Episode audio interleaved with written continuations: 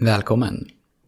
I det här avsnittet så kommer jag att berätta varför din arbetsgivare inte kan lösa de problem med stress och annat som du känner på grund av ditt jobb. Och jag ska också prata om vad du kan göra för att börja få kontroll över situationen.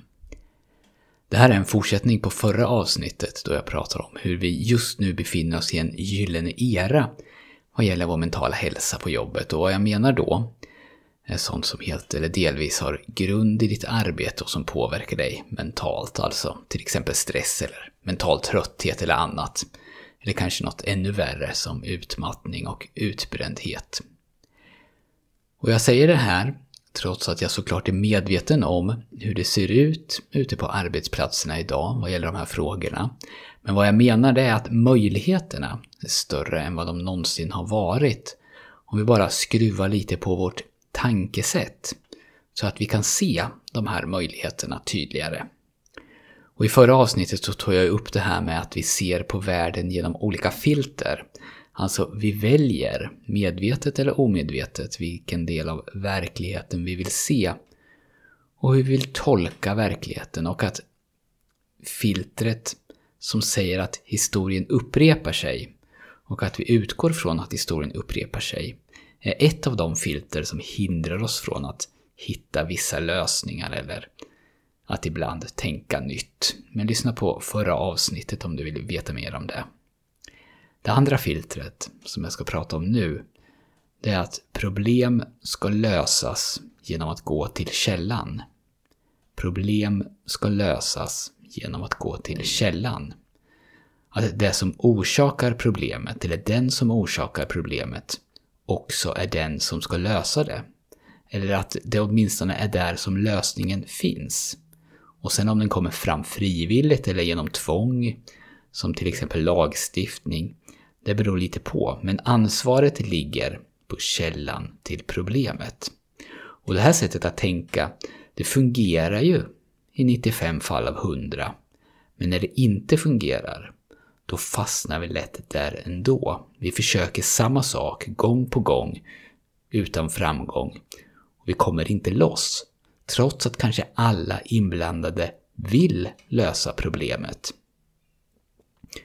Och det är det här, skulle man kunna säga, som har hänt i arbetet att förbättra vår mentala hälsa på jobbet, eller i skolan, alla vet ju att vi har ett problem och jag tror att alla är överens om att det kostar, dels i lidande, men också i kronor och ören. Och jag tror också att alla inblandade vill lösa det här problemet. Men ändå blir det bara värre och värre för varje år som går. Och vad gäller vår arbetsmiljö i stort så har ju det här filtret med att källan till problemet ska lösa problemet fungerat bra historiskt sett problemen som har uppkommit för arbetstagarna har lösts av lagstiftaren eller arbetsgivaren. Det har införts färre arbetsdagar om man går långt tillbaka i tiden från sex eller sju dagar i veckan till fem. Det har införts lagstadgad semester, medbestämmande, anställningsskydd och mycket annat. När människor blev skadade på sina jobb så lades ju ansvaret självklart på arbetsgivaren att se till så att arbetsplatsen skulle vara så säker som möjligt. Och de problem som, som har funnits i arbetslivet, de har lösts eller försökt att lösas genom att det har stiftats lagar eller att facken har legat på. Och att arbetsgivaren sen har följt de lagarna. Det har inte varit perfekt såklart, men mycket har hänt. Så källan till problemen, om man nu kan kalla det så, har varit den som har fått ansvaret att lösa problemen. Men vad gäller vår arbetssituation idag och vår mentala hälsa när det kommer till våra arbeten så funkar inte längre det här filtret. För det är ju inte så att arbetsgivaren idag inte vill lösa det eller vill försöka lösa det. Det är ett jättestort problem för hela samhället. Alla vill lösa det. Men så länge vi är fast i det här filtret så går utvecklingen åt fel håll. Och skälet till det, eller åtminstone ett skäl till det, det är att det finns vissa saker som arbetsgivaren inte kan påverka, men som påverkar ditt och mitt mentala välmående. En sak till exempel är ju tempot.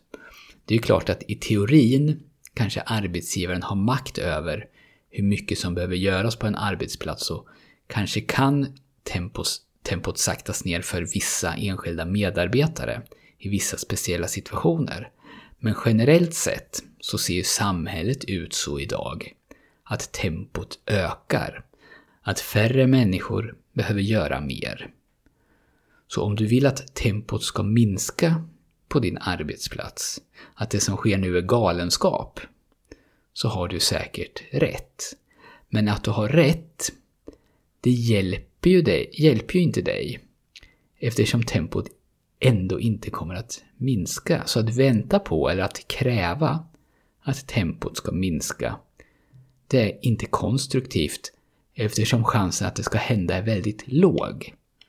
Det är att springa in i samma vägg gång på gång.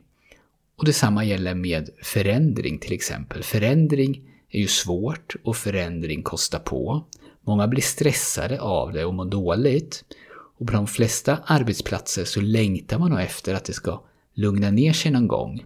Så att man får tid att hämta andan och landa i den senaste förändringen. Men förändring, det är numera ett normaltillstånd på väldigt många arbetsplatser och i väldigt många liv. Så om du längtar efter lugnet, som du hoppas finns eh, runt nästa hörn, då är risken stor att du kommer att bli besviken. Och min poäng med de här exemplen, det är att visa att de självklara lösningarna, det som vi tycker borde ske, det som arbetsgivaren borde lösa, de lösningarna, de finns inte ens på bordet i den här förhandlingen om din mentala hälsa.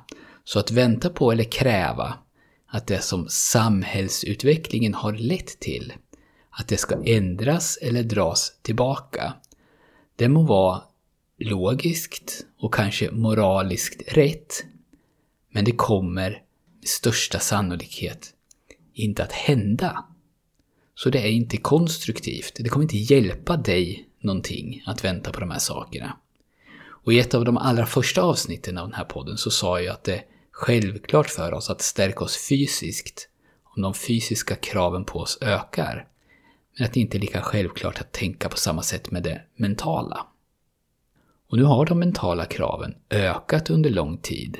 Men har vi generellt sett gjort någonting för att stärka oss mentalt? Och precis för vad som gäller för en muskel eller vad som gäller för kondition så blir vi ju inte starkare av bara påfrestning.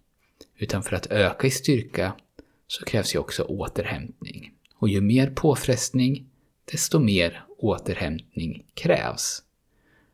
Och ett hårt sätt att se på det här, om man ser det med ett annat filter, det är att samhället, eller din arbetsgivare, eller någon annan egentligen, inte kan ge dig den träning och den återhämtning du behöver för att bli starkare. Utan den enda som kan göra det är du. Andra kan givetvis ge dig förutsättningarna och resurserna som krävs. Men ingen annan kan ju vara i ditt huvud. Så även om ansvaret formellt ligger på arbetsgivaren och skulden för att många mår så dåligt kanske ligger på samhällsutvecklingen, så behöver nog lösningen komma från oss som individer. Ett fotbollsproffs är ju inte bara proffs mellan 7 och 4. Han eller hon ser till att få den återhämtning som krävs och han eller hon ser till att leva hela sitt liv på det sätt som gynnar fotbollskarriären mest. På det sätt som gör att han är på topp klockan tre varje lördag, i vilken tid matcherna nu spelas. Så om vi vill må bra, eller så bra som möjligt åtminstone, så kan det ju vara så att vi dels behöver träna systematiskt och kontinuerligt på det mentala. Oavsett om det är meditation eller mental träning eller yoga eller skogspromenad eller någonting annat. Och att vi dessutom behöver identifiera sånt som kanske är belönande i stunden, men som på sikt inte får oss att må bra. Och sluta med det. Eller dra ner på det.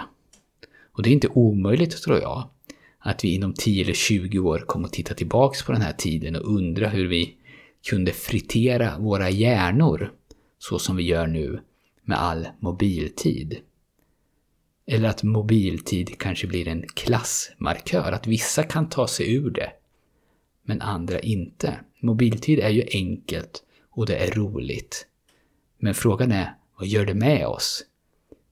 Bidrar det kanske till den stress vi känner? Finns det något samband mellan tillkomsten av smarta telefoner och ökad stress?